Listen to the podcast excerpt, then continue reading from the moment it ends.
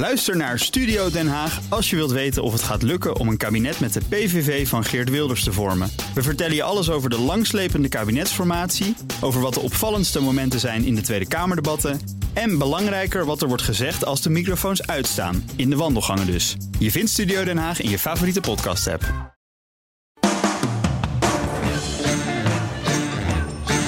Vuur op het strand gloeit nog na en Scheveningen strompelt zwart geblakerd het nieuwe jaar in. De bouwers hebben met voeten de afspraken getreden die wij met z'n allen gemaakt hadden. Maar in Brussel vieren ze alweer feest. De euro bestaat 20 jaar.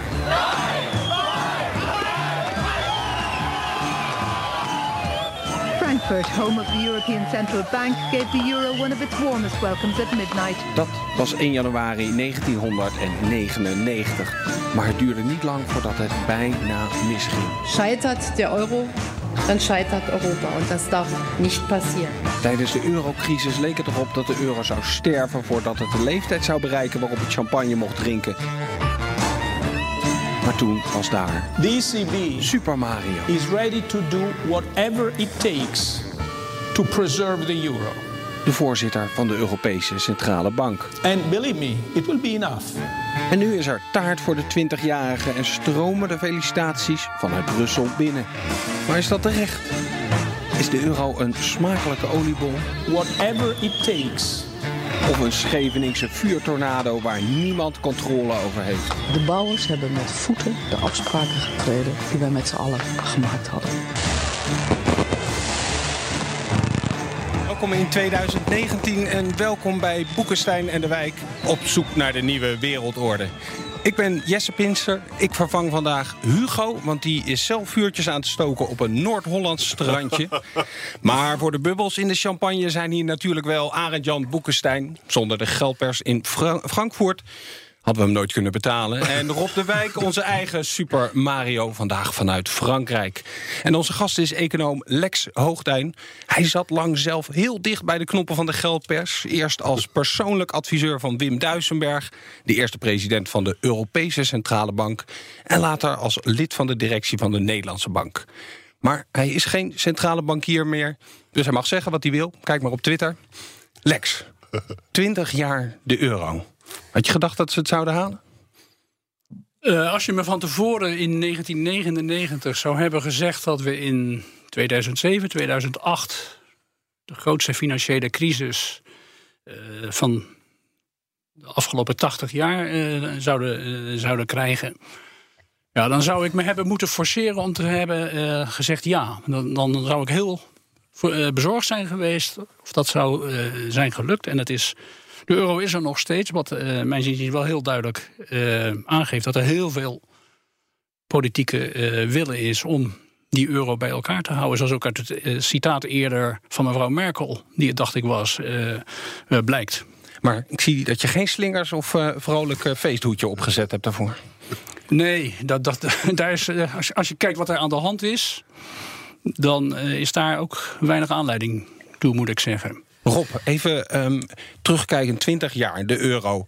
Is Europa nou echt machtiger geworden hierdoor? Kunnen we ons ja, beter verhouden tot China, tot Amerika... nu we allemaal dezelfde munt hebben? Of althans 19 landen in de EU.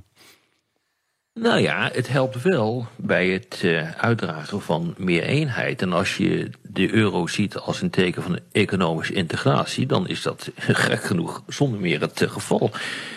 Als je in het buitenland komt of buiten de, eh, het eurogebied, eh, dan wordt er naar de Europese Unie toch gekeken als een soort van supermacht. Alleen niet een militaire supermacht, maar een soort regelsupermacht. Een, een, een deel van de wereld dat de standaarden, de regels in belangrijke mate voor de rest van de wereld bepaalt. Dat hebben we nu ook eh, gezien op, op internetgebied, de privacywetgeving van de Europese Unie. Ja, andere landen worden gedwongen om zich daaraan aan te houden.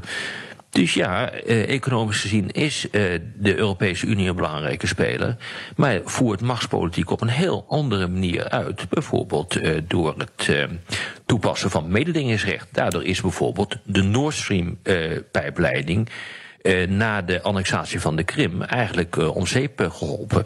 En ik moet zeggen, ja, de Europese Unie doet daar veel meer op dat gebied op de achtergrond dan dat mensen denken te weten. En daar heeft die euro ook een rol in gespeeld. Ja, natuurlijk heeft die euro daar een rol in gespeeld, omdat dat ook een teken is van eenheid. Dat er allemaal gerommel is achter de schermen en eh, dat er grote vraagtekens worden eh, gezet bij de houdbaarheid van die euro. Dat is allemaal zo. Maar in de, in de rest van de wereld wordt er toch op een andere manier eh, vaak tegen aangekeken. Ik, ik zie Lex een beetje met zijn hoofd schudden. Ja, dat klopt. Uh, en in horizontale richting. Uh, dus niet ter, niet, niet, ter, be, niet, niet ter bevestiging. Uh, kijk, de euro. Men, mensen schrijven aan een munt veel meer toe dan die, dan die munt op zichzelf. Hmm. Kan. De euro is opgezet met maar één doel: dat is zorgen voor monetaire stabiliteit. Voor prijsstabiliteit. En nadrukkelijk niet als een, uh, als een instrument van buitenlandse politiek. Uh, hoewel dat er altijd al decennia lang de wens bijvoorbeeld van, uh, van Frankrijk is. Om dat te illustreren met een, recente discussie. En, en, te illustreren dat we inderdaad de kant aan het opgaan zijn van een, een politisering verdere politisering van de munt. Toen, toen de ECB werd opgericht, toen was er heel nadrukkelijk was uh, de stelling: de ECB is er niet om de internationale rol van de euro te bevorderen. De euro is, uh, de ECB is om dat die munt intern stabiel is en dan komt de externe rol vanzelf wel. Nu, heel recent, heeft de Europese Commissie gezegd: nee, die munt die moeten we internationaal gaan, gaan versterken. De achtergrond daarvan is inderdaad om met die munt buitenlandse politiek uh, te, gaan, te gaan bedrijven. Maar daar is hij nooit voor bedoeld. Nee. Lex, maar, dan zijn we het, eh, maar Lex, dan zijn we het wel met elkaar eens. Uh, want het is inderdaad de perceptie uh, waarmee uh, tegen die eurozone en eigenlijk tegen de hele Europese Unie wordt aangekeken. En ik ben het volstrekt met je eens dat de oorspronkelijke bedoeling natuurlijk van die euro was om de prijsstabiliteit te bevorderen. Maar laten we, laten we even. Een gezonde monetaire unie is er eentje die leidt tot convergentie, tot beleidsconvergentie. En we zien dus, dat blijkt uit alle studies, dat dat in Europa niet in alle landen gebeurd is. En als er geen convergentie plaatsvindt, dan, ja, dan krijg je dus uh, altijd ruzie over waar de risico's moeten worden gelegd. En dan krijg je een transferunie, wat natuurlijk ja. is zelf ook instabiel is. Wat ik aan je wilde vragen, Lex, is dit van... het alternatief voor die euro is ook voor landen als Italië en Frankrijk... eruit en dan devaluaties. Hè? Dat is iets waar wij zelf ook een prijs voor betalen. Het is heel vervelend als Frankrijk steeds devalueert en daar naartoe exporteert. Hè. Zou het toch niet zo kunnen zijn dat op de langere termijn Italië en Frankrijk toch uiteindelijk wel de juiste hervormingen gaan doen, omdat het gewoon veel beter is uh, om van een monetaire unie uit te maken als onderdeel van de gemeenschappelijke markt. Ja, nou, je snijdt een aantal uh, dingen aan. Uh, laten we beginnen bij waar, je begon. Um, kijk, de, de, Europese monetaire unie is opgezet op grond van een aantal spelregels. Zaken waaraan voldaan moet zijn, wil je met elkaar een stabiele munt kunnen vormen. Die zijn vastgelegd aanvankelijk in het verdrag van Maastricht, het EU-verdrag, statuten van de, van de ECB. Heel centraal daarin zijn uh, twee dingen. Eén uh, is de zogenoemde no-bail-out-clausule. Die zegt uh, landen, een beetje in mijn eigen woorden, landen moeten hun eigen ja. broek ophouden. Wij vormen hier niet met elkaar een politieke unie waar we solidair zijn met elkaar, ja. waar we transfers aan elkaar doen. Dat doen we nadrukkelijk niet. We hebben een no-bail-out-clausule. Het tweede is dat we hebben gezegd, je kunt pas met elkaar duurzaam een monetaire unie vormen als je voldoet aan de zogenoemde convergentiecriteria. En die zitten met name op het gebied van de overheidsfinanciën en je concurrentiepositie. Die moeten voldoende, even kort te zeggen, voldoende dicht bij elkaar liggen. Anders dan uh, voer je één beleid voor heel verschillende landen. En dat gaat vroeger of later fout. Wat er nu gebeurd is, als je gewoon die twintig jaar even heel ruw uh, bekijkt, dan leek het tot 2010, misschien eh, moet je, moet je iets eerder nog zijn. Maar eerst of leek het eigenlijk heel erg goed te gaan. De ECB die haalde uh, verrassende, verrassend goed de doelstelling waarvoor die in het leven is geroepen: prijsstabiliteit. Eigenlijk beter dan de Bundesbank, andere uh, centrale banken in het verleden na de Tweede Wereldoorlog hadden gedaan. Toen kwam de crisis, uh, de financiële crisis. En die financiële crisis heeft, heeft de EMU beschadigd, heeft de euro beschadigd en heeft de ECB beschadigd en heeft landen uit elkaar gedreven. Dus eigenlijk zijn nu, is, is op dit moment is niet meer voldaan aan die criteria die, eh, die er zijn voor het hebben van één munt. En wat is nou het verrassende, misschien ook niet verrassend, maar de conclusie die de Europese autoriteiten, zeg ik maar even in de brede, dus de Europese Commissie, ECB, eh, Zuid-Europese landen en Duitsland hobbelt daar eh, steeds in eh, mee, ki- kiezen dat. De financiële crisis heeft niet geleerd dat die, dat niet meer aan die criteria is voldaan. Nee, die heeft geleerd dat de EMU niet af is en versterkt moet worden. En die gaat dus verdergaande stappen naar integratie zetten. Op het moment dat eigenlijk aan de voorgaande stap niet Nog meer niet voldaan. Nog niet, niet meer is voldaan. En dat vind ik een heel riskante eh, strategie. Die nu gewoon, dat is een vlucht naar voren.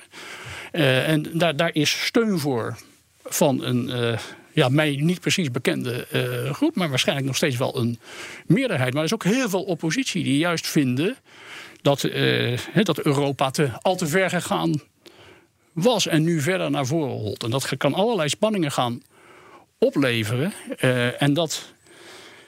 mijn, mijn zorg is niet zozeer dat Frankrijk en Italië eruit zullen stappen. Die zouden wel gek zijn, want die, die, hebben, die krijgen een EMU die steeds meer past bij wat zij eh, willen. De, de problemen eh, kunnen veel eerder ontstaan in met name Duitsland.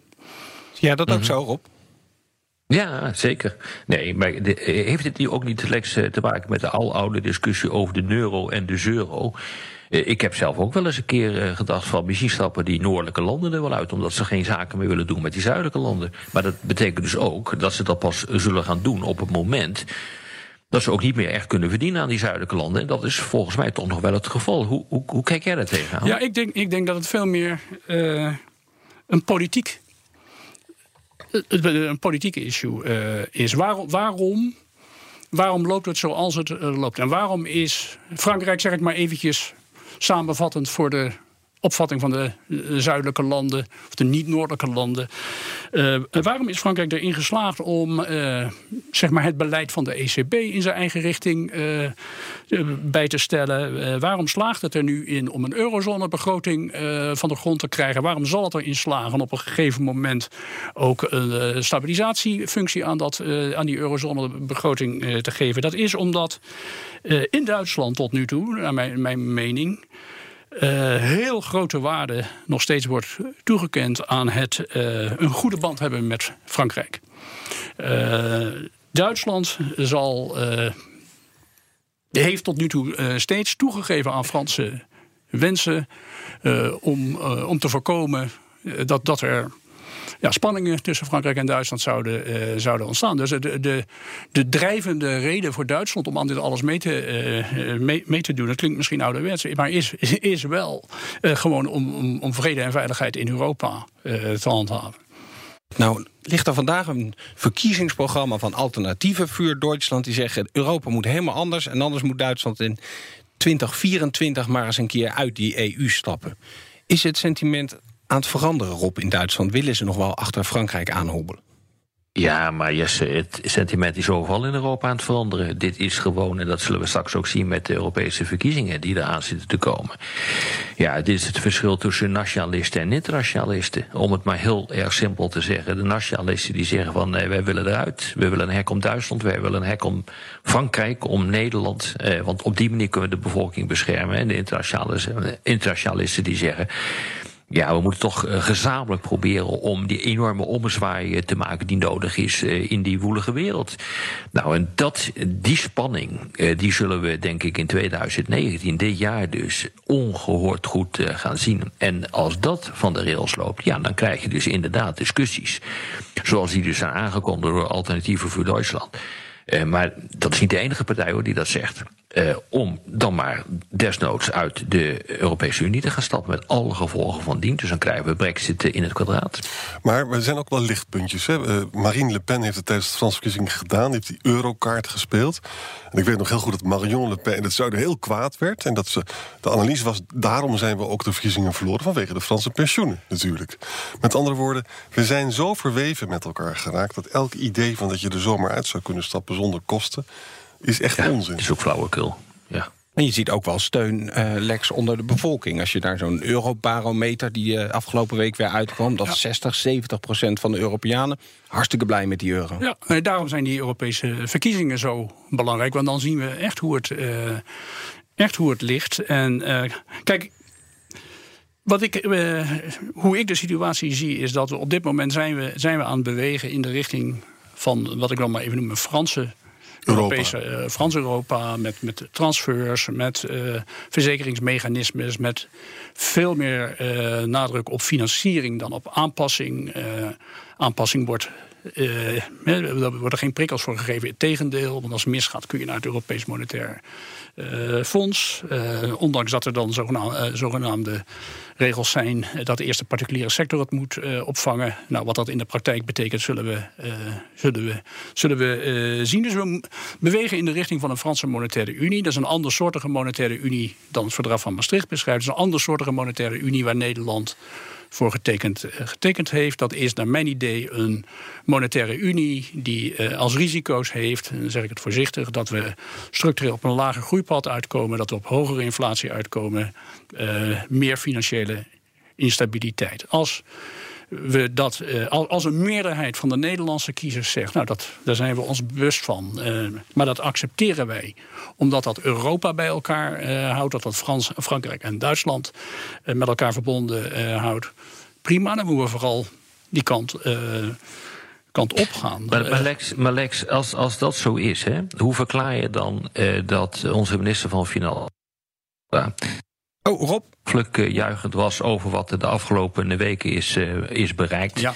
Uh, bijvoorbeeld met het Europese stabiliteitsmechanisme, die nou wordt omgezet in iets wat gaat lijken op een internationaal Europees monetair fonds. Ja. Met andere woorden, veel meer eisen worden er aangesteld. Er wordt veel meer drukmiddelen op niet goed presterende landen gezet om toch te hervormen. Daar is hij allemaal heel erg blij mee. Duidt dat nou ook op een verfransing van de Europese Unie? Nou, de, die stappen die gezet gaan worden, zeker. Uh, ik denk dat, dat uh, onze minister van Financiën.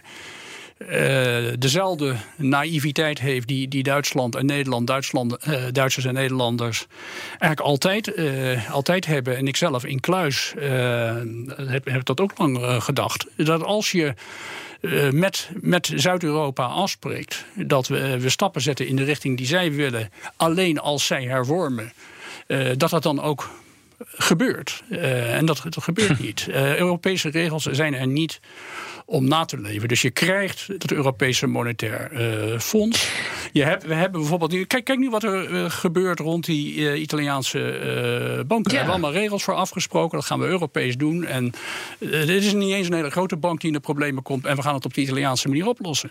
Nou, zo zal het ook gaan. Ja, maar dat geldt niet, Lex. Dat geldt, dat geldt niet voor de Italiaanse begroting. Die is afgekeurd door Europese Commissie. En na veel vijf en zessen is die begroting toch aangepast. Ja onder andere ook door de tucht van de markt. Ik bedoel, uh, je zag de, gewoon de rentes oplopen in Italië. Uh, waardoor uh, zeg maar dat begrotingsprobleem dat ze hadden zich zou gaan vertalen in veel hogere kosten voor de rentes. Dus ze zijn gewoon aan alle kanten zijn ze gedisciplineerd. Nou, dat, ik zou bijna onze, onze grote voetbaltrainer eh, Louis van Gaal citeren. Ben, ik nou, ben jij nou zo dom of ben ik nou zo, zo slim? Want kijk, wat, wat er gebeurd is natuurlijk. Italië had een afspraak om een, een tekort te hebben. Van, zou ze een tekort terugbrengen naar 0,8 procent ja. van het uh, BBP. Dan komen ze met een begroting van 2,4. Uh, dus zo overvragen duidelijk. Uh, iedereen die wel eens onderhandelt, die weet dat je niet begint met waar je wil mm. uitkomen. Ze komen uit op 2%. waarmee ze niet aan de regels voldoen. Frankrijk dient een, krijgt te maken met protesten in eigen land. Macron gaat, gaat om uh, bij de eerste de beste uh, tegenwind. Komt uh, met maatregelen. Dient nu, krijgt nu een begroting met een tekort van 3,5 procent. Dat is boven de 3 procent die als maximum geldt. Dan mag je tijdelijk boven zitten volgens het verdrag. Als je getroffen wordt door een externe schok, een aardbeving, een overstroming enzovoort. Frankrijk zit, als je gewoon de afgelopen 20 jaar kijkt, zit bijna altijd eh, consequent boven die 3%. Dus men houdt zich dood eenvoudig niet aan de regels. En het ergste is de Europese Commissie mm -hmm. handhaaft niet. Uh, maar, maar bepleit je dan eigenlijk een supranationaal model... waarbij dus ook de concurrentiepositie van die natiestaten... supranationaal worden begrensd en, en worden uh, bestuurd? Nou, kijk, dat, dat, was de lijn waar ik tot een paar jaar geleden op zat. Ik heb in, in een commissie gezeten die de Europese Commissie adviseerde over eh, de begrotingsregels. en ik zat toen heel erg op de lijn dat als een land eh, door alle stappen heen is gegaan en niet eh, voldoet of kan voldoen aan de regels, dat dan. net zoals in Nederland bij artikel 12 gemeentes, het Rijk neemt het dan over en dat dan Centraal-Europa het kon over. Maar dat is niet meer hoe je er nu over denkt. Nee, omdat, ik, omdat, ik, omdat, omdat er wordt niet Geluisterd. er wordt niet gehandhaafd. Dus ik, ik zie veel eh, eerder de omgekeerde richting. Want die, al die regels die, die jij noemt, Jan, die zijn er. Er zijn allerlei afspraken. Er zijn veel, veel meer afspraken dan eigenlijk goed is. Als je gewoon al die afspraken eh, Maar Lex- bekijkt. maar Lex, dan dus wat je, ik heb veel liever dat we zouden zeggen. Hè, dus dat is een ander model. Dat, is, eh, dat, dat je zou zeggen, we gaan terug naar de uitgangspunten eh, van Maastricht. Eh, in, in, eerste instantie. Eh, als, als een land in de problemen raakt, dan gaat hij naar het, Europe gaat hij naar het IMF, niet naar de Europese Commissie, niet eh, naar de ECB. Eh, geen Europees Monetair eh, Fonds, het ESM. Eerst bevriezen, maar liever nog eh, Dus je afbouwen. wil, je wil terug naar de no bail-out eigenlijk, hè? Ja. Maar dan komt een ander argument. Overal in de wereld waar no bail-outs werd mee gezwaaid... blijken ze allemaal van marsepein te zijn. Hè? Ze smelten waar je bij staat. Hè? This time is different, dat boek van Rokoff bijvoorbeeld. Hè? Je weet dus gewoon door de verwevenheid, ook van de banken... wat overigens nu wel wat minder is geworden, maar dan nog... Je gaat ze toch uiteindelijk weer helpen. Omdat we namelijk. Zie je het historisch groot. Hè? Die Economic Consequences of the Peace, weet je wel, van het boek van Keynes over de Eerste Wereldoorlog. Ja, je kunt Duitsland er wel uitsnijden. Maar daar worden we zelf ook arm van. Hè? We, hebben, we moeten het met elkaar doen. Plus nog het punt van. in- een wereld waarin dus Amerika een zigzagkoers vaart. En, en China steeds machtiger wordt. is het een beetje raar om terug te gaan in Europa naar nationale munten. Dat is toch een beetje een merkwaardige operatie. Ja, maar nu, nu haal je een aantal dingen door elkaar. Want je, eh, ik zei terug naar no bail-out. Ik zei niet terug naar nationale munten. Ik probeer wegen te zoeken om, om eh, de, de euro eh, te versterken. Maar, maar, mijn, al- st- maar mijn stelling is, nergens is een no bail-out eigenlijk gelukt. Nee, Door de maar- verwevenheid. Je gaat, uiteindelijk ga je ze toch weer helpen. Omdat je ze nodig hebt. Omdat je eigen bankensector de last van Ja, maar heeft. je, eh, d- dat, is een, dat is een tweede. We moeten daar ook een onderscheid maken tussen een bail-out van overheden en een bail-out van banken. Dat moet je eerst uit uit elkaar halen. Internationaal is er. eh, ik denk dat dat in de jaren tachtig was. eh, zijn er plannen geweest om een soort bail-out regime. eh, afwikkelingsregime voor landen die niet meer aan de verplichtingen voldeden tot stand te brengen. Dat is nooit gelukt. Eh, en waarom niet? Eh, omdat de grote landen dat niet wilden. Die zeggen, Ja. kijk, als wij zo'n regime in, in gaan stellen... dan weten we wel wat er gebeurt. Ja. Dan, dan eh, gaat het ook feitelijk Maar, maar, maar, gebeuren. nu, maar nu even het volgende. dus dus Ik- dat ik- moet je niet doen. Rob, is er een alternatief maar, voor maar de Lex, ik, kan, ik, ik, ik kan het helemaal volgen wat je, wat je zegt. Je zegt dus, eh, feitelijk ehm, eh, houdt de, handhaaft de Europese Commissie niet. Nee. Ondanks alle maatregelen die de afgelopen eh, tijd eh, zijn genomen, zeker na de crisis. De rol van Brussel is versterkt in de, in de begroting. Je moet de begrotingen goedkeuren. We hebben net al even over gesproken in, de- in het kader van Italië. Er zijn sancties bij, eh, bij niet-naleving. We hebben het al, al even gehad over dat Europese IMF dat er nu lijkt te gaan komen, enzovoort, enzovoort.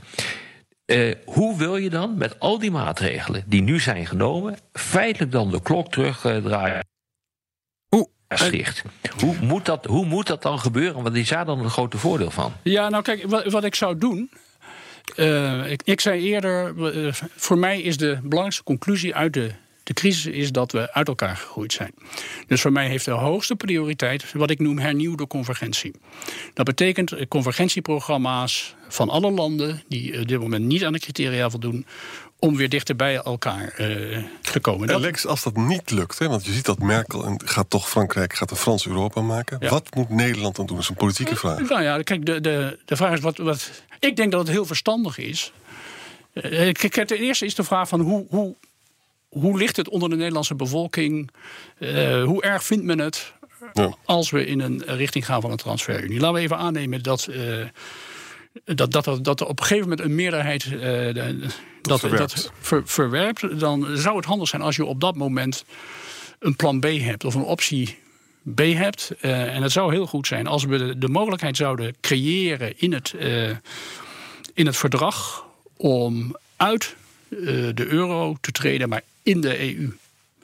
Maar Heren, ik, ik ga een hele korte laatste vraag stellen. Gaat de euro ook 40 worden, Arend Jan? Dat is, de euro is op dit moment nog steeds een experiment. Dat is niet zeker. Rob?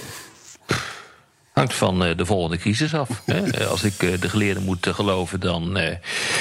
Eh, eh, dan zit de volgende recessie er alweer aan te komen. Ja, dat kan natuurlijk bijna niet anders, want dat is een soort ijzeren wetmatigheid dat die eraan zit te komen. Maar het hangt er vanaf hoe zwaar die is en hoe daarop gereageerd eh, wordt. En of eh, bijvoorbeeld de ECB en de Europese Commissie nog voldoende instrumenten hebben om dan de zaak in, in toom te houden. Als ze dat niet hebben, dan vrees ik het ergste. En de econoom? De komende 15 jaar ja, maar daarna durf ik mijn hand niet voor in het vuur te steken. Dit was weer Boekenstein en de Wijk. Namens Arend Jan Boekenstein en Rob de Wijk zeg ik dank voor het luisteren. Speciale dank aan onze gast Lex Hoogduin. Boekenstein en de Wijk is elke zaterdag om 11 uur op de radio. En wanneer u maar wil online. Via iTunes, via Spotify of via uw eigen podcast-app. En daar kunt u zich ook abonneren en reageer vooral ook. Volgende week weer een nieuwe uitzending. Dan weer met pyromaan van dienst Hugo Reitsma.